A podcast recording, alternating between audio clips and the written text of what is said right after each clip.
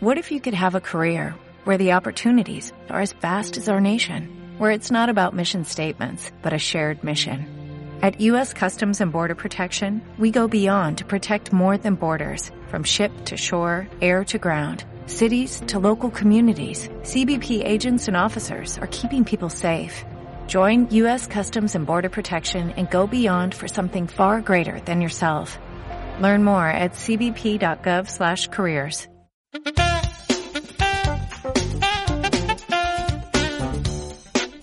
És un quart d'onze en punt d'aquest dijous, és 5 de març, i això vol dir que és el primer dijous de mes. I això vol dir que el Parlant de Tot toca parlar de consum. I ho fem amb l'Oriol Contreras, que és el responsable de l'OMIC, l'Oficina Municipal d'Informació al Consumidor.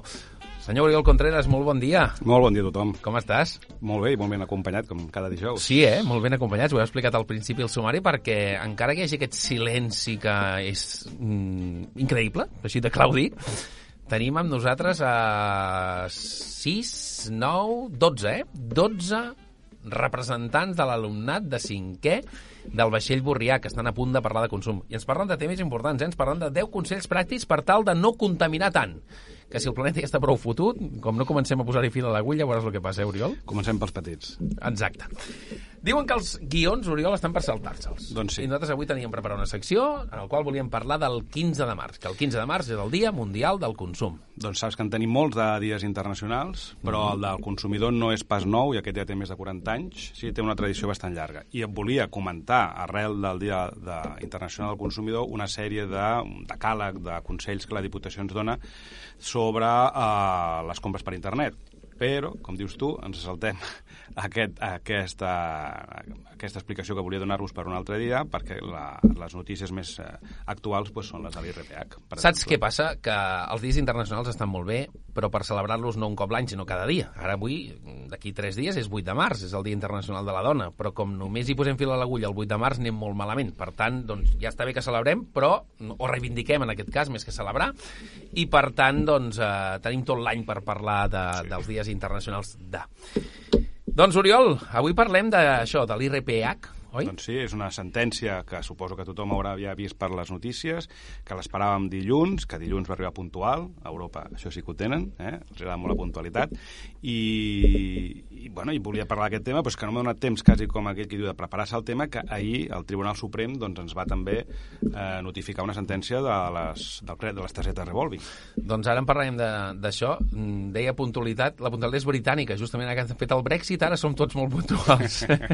no, però això ja ho té ja de tradició al Tribunal Europeu. Quan diuen que aquell dia posaran sentència i la faran pública, aquell dia ho compleixen i així ha sigut. Oriol, què és l'IRPH?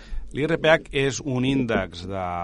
que es fa servir en les hipoteques, un índex per calcular el tipus d'interès doncs, que hem de, que hem de pagar cada mes amb les nostres quotes, d'acord? Uh -huh. Igual que hi ha uh, l'Euribor, que més ens sona, que és el que tothom fa servir, l'IRPH és una alternativa a l'Euribor que es feia servir ja fa uns quants anyets i que va resultar mm, fatal en tant el tipus d'interès que va començar a pujar mentre que l'Euribor va començar a baixar moltíssim i que a més a més va afectar moltíssim perquè a partir de l'any 13 doncs ja ningú, eh, bueno, el, el govern, eh, l'Estat va deixar de publicar l'IRPH i a partir de llavors es va quedar trebat amb un tipus d'interès tan alt que diuen que la gent que ara pugui recuperar la diferència entre l'Euribor, que és el que nosaltres estem, la majoria de gent paga, i aquest IRPH que paguen aquesta gent, poden ser entre 100 i 200 euros al mes. O sigui, que s'està calculant que la gent pot recuperar entre uns 20 o 22.000 euros, aproximadament de mitjana, d'aquest índex que ens han cobrat de més i que ara podes, els jutjats ens hauran de donar la raó un per un que aquí està el tema. Tothom s'esperava que, eh, tothom, els consumidors, no, els bancs evidentment que no, oi? que Europa ens digués, doncs miri, escolti, mm, l'IRPH ha quedat nul, és anul·lat, eh, és, no, no és correcte haver-lo aplicat fins ara, per tant, fora directament i tornin automàticament els diners a tota la població que tenia l'IRPH. Doncs no ha sigut així. Eh, el Tribunal Europeu diu pot ser anul·lat, però cada jutge, cada cas, cada família, cada hipoteca s'haurà de determinar si és o no anul·lable. Però com a mínim obert la porta, perquè el Tribunal Suprem fa un menys d'un any havia dit que no, no, que tot aquest eh, IRPH era correcte. Però uh, hi haurà cua, els jutjats, no? Hi haurà, Hi haurà, perquè el meu primer consell és esperar a veure com actuen. Pensa quan van sortir les, també la sentència europea, igual, eh? és un, com, un, com un mirall de les clàusules sol. El primer mm -hmm. que va fer el decret, ai, el govern va treure un decret, que jo crec que ja tenia dintre del calaix, en el qual deien, bueno, molt bé, a tanto, a poc a poc, primer reclamem als bancs, fem un procediment que podria durar uns dos mesos i després eh, aquells bancs que no hagin entrat en raó, llavors vagin vostès als tribunals. No ho sé si ho farà això el govern aquesta vegada. Jo, de totes maneres, recomano esperar però hi ha moltes persones afectades en aquest sentit, no? Diuen que entre un milió i un milió i mig d'hipoteques ah, a tot són, Espanya. Són 300 i 200 euros al mes, escolta... Molts diners. Jo crec que ha sigut una decisió també, com sempre, mig política, hi ha els lobbies que apreten molt, i si hagués a Europa dit no, vostès tenen que tornar els diners de cop, és una debacle pels bancs. Doncs pues què diuen?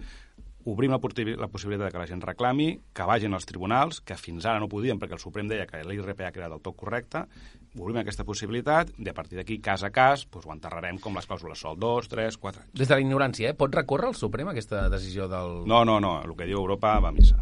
Ja està. A vegades.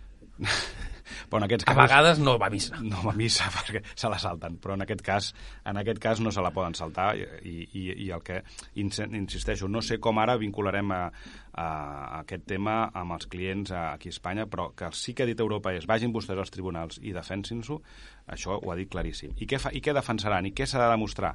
De fet, és el banc qui té que demostrar que ens van explicar què era l'IRPA, com funcionava, quina evolució tenia, quina comparativa tenia, per què l'havien d'escollir o per què no, i en molts dels casos no ens ho podran demostrar, com amb les clàusules sol, no ens ho va poder demostrar. Eh, insisteixo, en conclusió, l'IRPH no és nul, igual que les clàusules sol no són nules, es poden seguir utilitzant, però ens han d'haver explicat, ens han d'haver posat uh, un, un, un estadi de, de futur en el moment de vendre'ns aquella hipoteca. I això, com que no ho han fet, doncs aquí estem. Per tant, tranquil·litat, eh? Jo recomano tranquil·litat. Mira si recomano tranquil·litat pa, i, i t'explicaré el contrari, el que s'està fent, que jo crec que no s'hauria de fer. El mateix dia de la sentència, dilluns vaig posar en el Google eh, sentència IRPH Tribunal de Justícia Unió Europea i la primera web posicionada, número 1, més que l'avantguàrdia, més que el propi Tribunal Europeu, no, que també publica la seva sentència, està en un despatx de Barcelona. Mm, un despatx d'abogats que ja estava posicionat a Google number one per poder-te vendre aquest producte. Mm, no tinc res en contra d'aquesta no, no, no, però, clar. manera de vendre, però jo insisteixo que no és per mi la manera de fer, la gent s'esperi, la gent consulti i la gent quan vulgui venir a l'Ajuntament li explicarem. Molt bé, i RPH? I Això i... Sí, aquest és una de les sentències... I les targetes revolving? Targetes revolving, que podem explicar una mica més... Eh, Té una, una mica estrany. Sí, revolving vol dir que tu vas gastant i a mesura que vas pagant se't torna a carregar retorna a carregar aquella targeta, la pots tornar a utilitzar i pots tornar a gastar aquells diners que t'havien donat en un principi. Fins aquí està bé.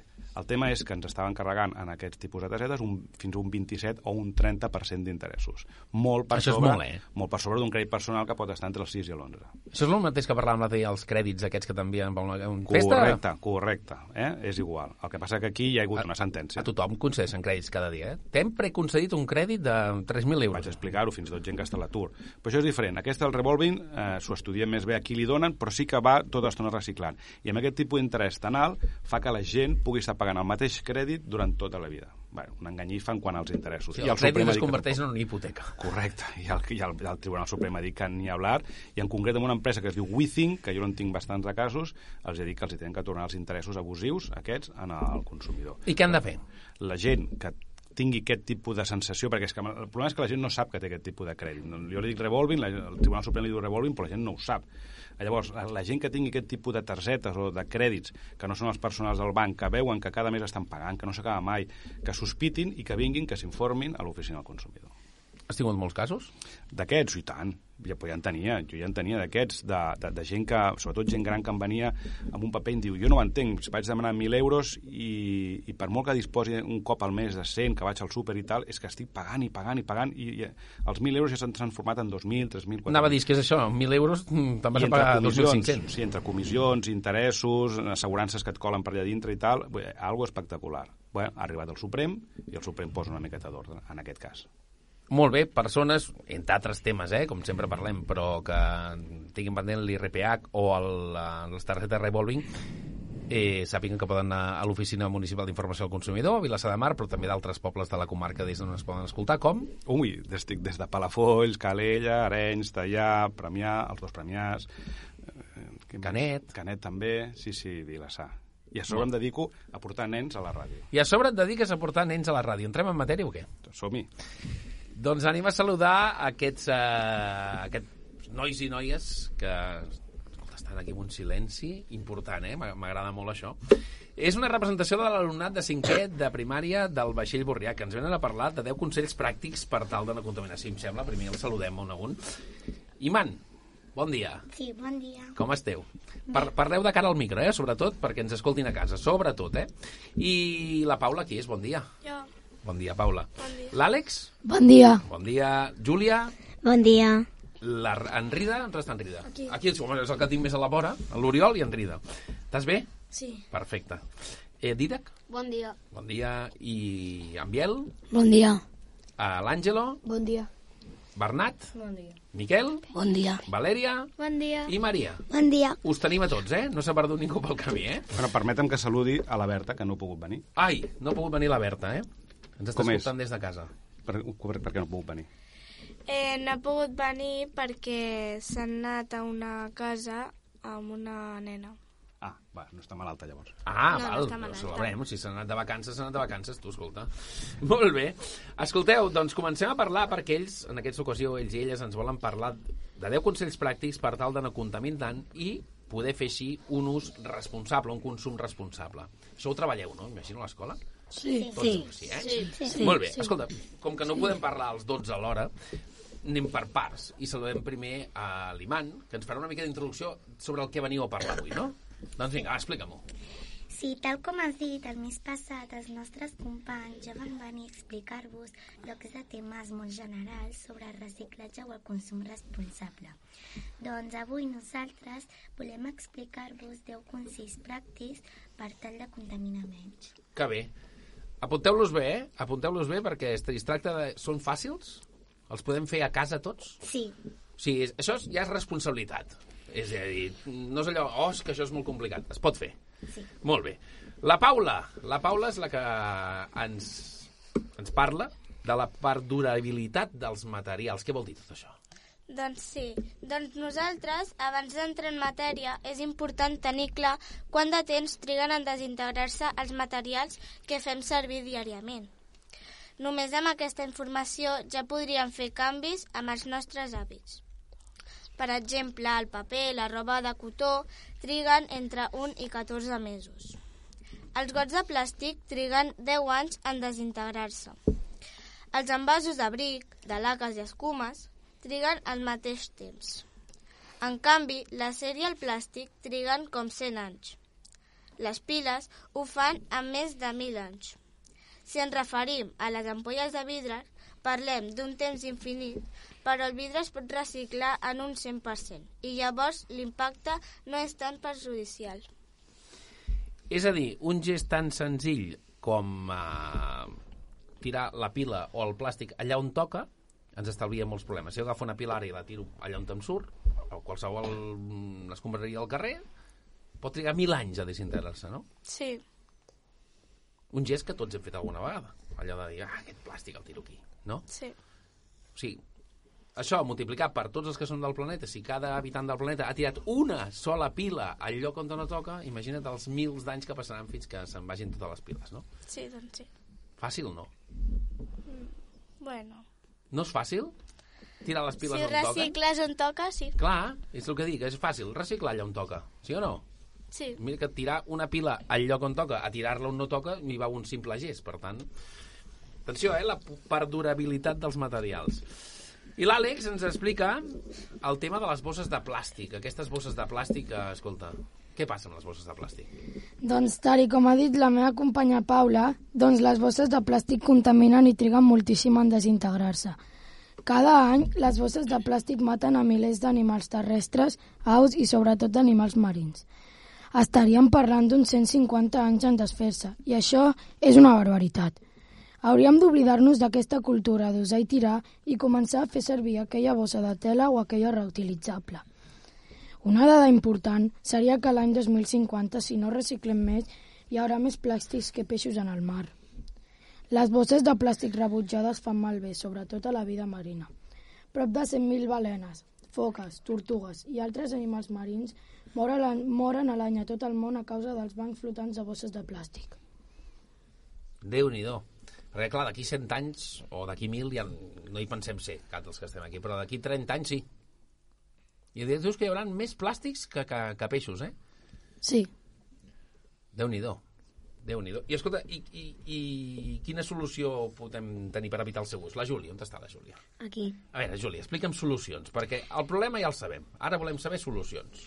Doncs po nosaltres podríem pensar que una de les solucions per evitar l'ús de bosses seria fer servir bosses de paper, però aquesta no és l'alternativa, ja que provocarien un impacte similar al de les de plàstic. A partir d'aquí, una possible solució seria fer servir una bossa reutilitzable o bé el típic carro de la compra amb rodes, que a més a més d'estalviar-nos una bossa de plàstic, ja així fa que no carreguem l'esquena. Una altra manera d'ajudar seria limitar l'ús del plàstic, sempre i quan sigui possible. Clar, com la bossa del pa, eh, Oriol? Jo crec que encara no havia sentit el meu programa de la bossa del pa. La bossa del pa, eh? Pregunta, pregunta quanta gent per pa amb la bossa de Quanta gent va roba. comprar amb una bossa de roba al pa? Jo. Caram, veus, Oriol, estàs sentant càtedra, eh? Quasi el 50%. Imagina't, eh? D'aquí dos dies tots amb la bossa, A eh? veure, és veritat. Tiene que ser avui ja, eh? Clar, la gent diu, ah, escolta, clar, la llum consumeix, la llum, clar, doncs ens, hi- ens hi hem de veure. Hi ha alguna solució mm, perquè ens hi veiem i consumim menys? No sé si la ens explica això. Sí. A veure, explica'ns. Hem de tenir en compte que una bombeta de tota la vida té una vida útil de 1.000 hores, o el que és el mateix en un any de mitjana. En canvi, les bombetes de baix consum duren 15 vegades més. Si anéssim a fer canvis com aquests, podríem reduir moltíssim les emissions de diòxid de carboni. Un canvi de bit senzill, però que tindria un gran impacte. Tens raó, eh? Perquè ara estava mirant aquestes bombetes d'aquí, que fa 9 anys que estan aquí, i us hi veieu bé, no? A part que el sol està entrant aquí, però us hi veieu bé, no? Sí, sí, molt. No us, heu canviat, no us heu canviat encara? No, cap, però ni una, eh? Ja sembla aquella bombeta del parc de bombers de Califòrnia. Sí, no? Que el dia que s'apagui se'n va, se'n 100 va a ja. Califòrnia i se'n va sencer. Eh? Sí. Pues, sí, sí, aquestes bombetes amb 9 anys, aquestes d'aquest estudi, t'asseguro jo que no estan estat canviades. Per tant, fantàstic, tu. Tens raó, eh? Utilitzar bombetes de baix consum. Ho feu a casa? Sí. Sí, sí. Sí, no? Sí. Perquè són més cares però t'acaben sortint més barates. Jo no sé, jo no, jo, jo no sé, jo no sé si ho fan servir, com que jo no les vaig a comprar. Bueno, pregunta-ho. Quan arribis a casa avui, aquestes bombetes són de baix consum? Sí? Sí? Perfecte. No? Anem a canviar-les. Vale. Perfecte. Didac!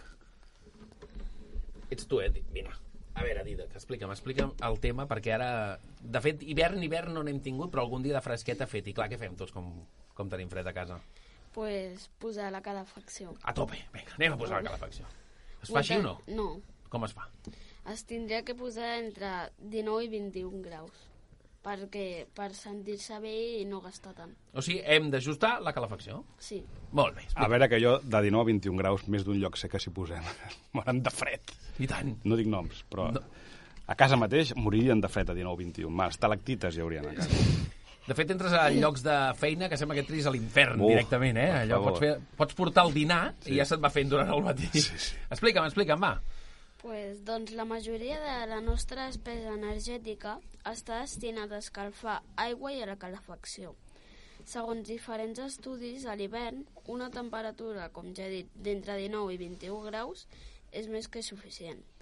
A la nit, en les habitacions, n'hi ha prou amb tenir una temperatura d'en- entre 15 a 17 graus per sentir-se confortable.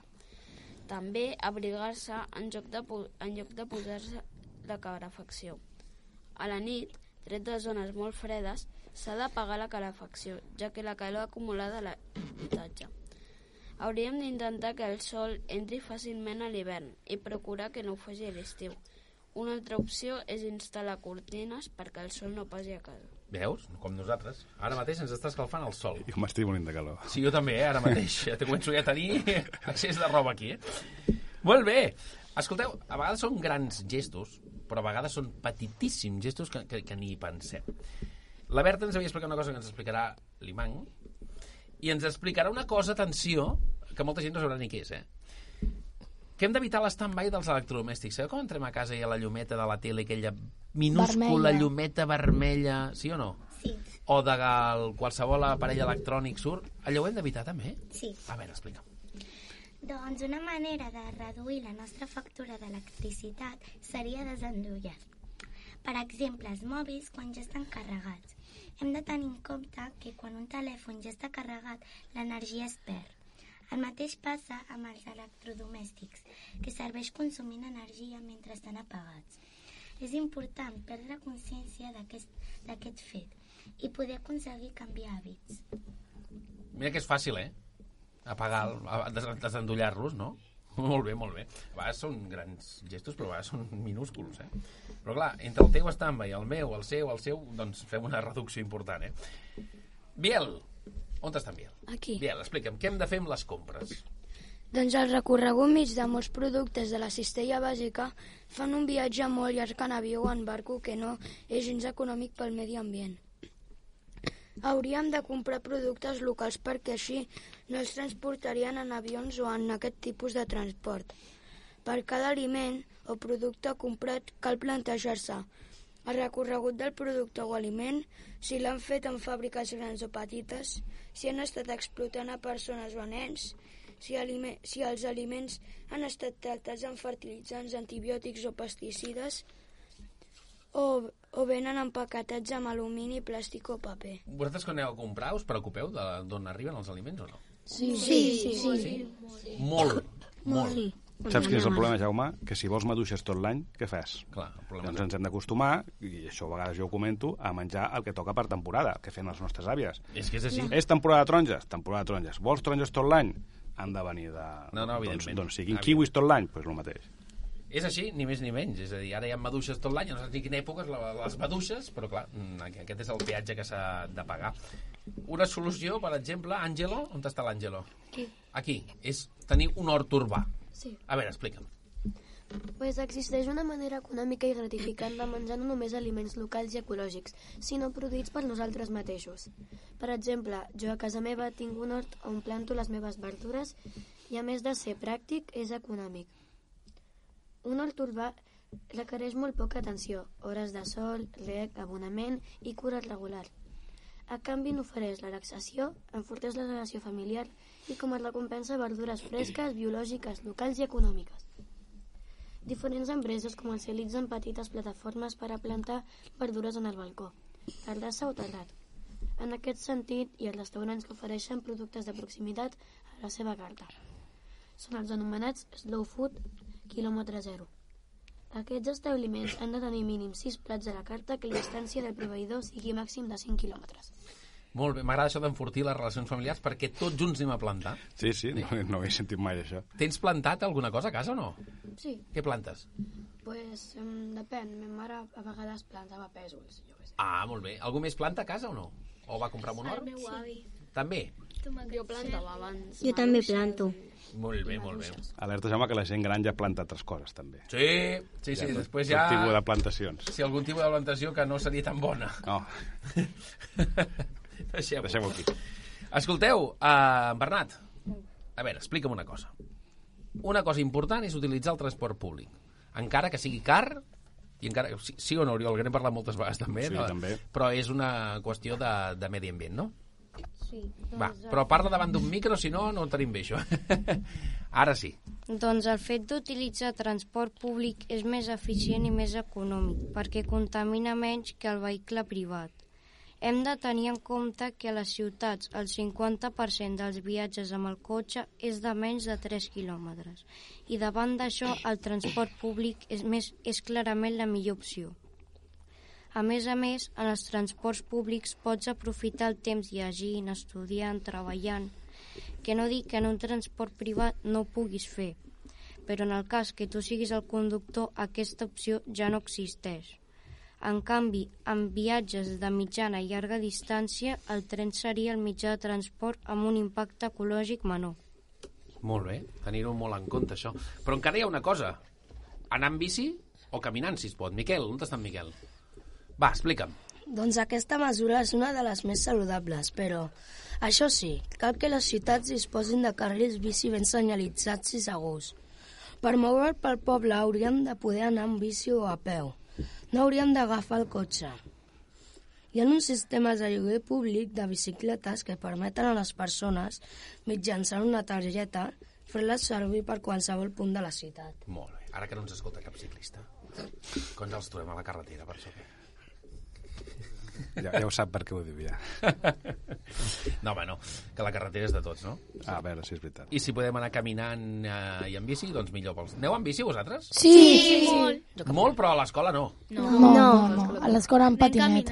Ah, Caminant. Sí, Cap- caminant. caminant, eh? Caminant. Ningú va amb cotxe a l'escola, eh? No. No. No. Tu sí? De vegades. Però vius molt lluny de l'escola? Sí. Ah, Jo clar. molt lluny, però vinc Bueno, jo amb el meu, jo amb el Vinc meu, amb el meu pare jo a vegades vaig amb el cotxe. Però a veure, tu a on vius? Jo Cabrera. és que... A Cabrera. Ah, vale, vale, vale. I el que anava, que va dir que, que anava en cotxe també? Que... Tu? Bueno, a veure, és que el meu pare, pues, com que té un, un altre nen, un, un germà que és més petit, Clar. doncs no vol portar-lo caminant i a vegades Clar. em porta un cotxe. Normal. Escolteu, i la Valèria on està? Aquí. Valèria, explica'm, quan no puguem renunciar al cotxe, què hem de fer? Doncs quan no es pugui renunciar al cotxe ens podem plantejar diferents alternatives com comprar-nos un cotxe híbrid que és meitat elèctric i contaminem menys. Clar que pel que fa a aquesta opció també hauríem de tenir preus més assequibles i que el govern apostés clarament per aquesta alternativa. Una altra opció seria la de compartir el cotxe amb altres persones que facin el mateix recorregut. De fet, a Barcelona hi ha camins exclusius per a, aquest, per, a, per aquells cotxes que porten dos o més ocupants i t'estalvies en molts casos llargues cues i retencions. Per últim, la de conduir bé. És a dir, ser responsable al volant. L'agressivitat al volant contamina més. Clar, i punts de càrrega hauríem de tenir. Si tens un cotxe elèctric i no el pots carregar... Deixem-ho aquí, però hauríem de tenir-ne uns quants. Clar, em sembla, a Vilassar n'hi ha algun de punts No, de càrrega? que jo, que jo sàpiga, públic no. Després cadascú a casa seva... Sí, no, però- no, clar, cada... tires el cable, no? Sí, sí, és que jo he vist cotxes i el cable penjant de dalt d'una... t'ho dic, t'ho dic, t'ho dic. Sí, aquí existeix. D'un segon pis, eh? Sí. Un cable. Bum! Vale, vale. No, escolta, si s'ha de carregar el cotxe, hay que cargar-lo, no? Sí, sí. I tot això, la conclusió, ens l'explica la Maria. On està? Maria, explica'm les conclusions de tot plegat. Per concloure, creiem que aquests 10 consells són pràctics i assolibles per a contaminar menys. Per una banda, el fet de que els materials que utilitzem diàriament triguin tant en descompondre's ens ajuda a veure la situació en la que estan els nostres oceans. És per aquesta raó que necessitem reduir l'ús de les bosses de plàstic. Per altra banda, amb les bombetes tradicionals passa el mateix. Per això necessitem utilitzar les bombetes de baix consum. I com aquestes, totes les altres mesures que us hem explicat. Així que esperem que poseu en pràctica tot el que hem dit. I també que aquests consells ajudin al nostre planeta tal com ell ens ajuda a nosaltres. Doncs escolta... Aquest decàleg el podríem anar posant, eh? Sí. eh, Cada any, que seria el mateix, i ens any. serviria. Sí, senyor. I espero que algú hagi fet una reflexió des de casa i dius, "Escolta, les piles, el plàstic i, i reduir una miqueta. Si són cosetes que, que estan a l'abast de tothom, sí o no? Sí. Sí. Escolteu, que estic molt content que hàgiu vingut a la ràdio. Us ha agradat? Sí, moltíssim. Sí. Doncs uh, us agraeixo moltíssim, Oriol. Ens tornem a trobar... No, el primer dijous de mes crec que no, perquè és Setmana Santa. Pues serà el segon. Serà el segon, eh? però en qualsevol cas per parlar de consum amb l'Oriol Contreras, que és el responsable de l'Oficina Municipal d'Informació al Consumidor, l'OMIC. Moltíssimes gràcies. Tornaran, no? Tornarà una altra classe, Ah, anava a dir, tornaran, tornaran. amb explicar coses noves.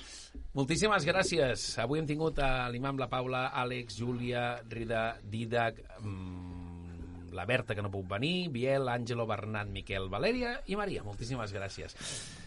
Digue'm. I les profes. I les... I tant. No ens oblidem de les profes. Presenta-me-les. Què? A veure, et dic, vine cap aquí, vine cap aquí. No, ara diu que no. Ara diuen que no volen dir Ah, res. vergonya. Tampoc Marina no volen Tampoc. dir res. Però sense elles aquesta feina segur que no... La Marina i la?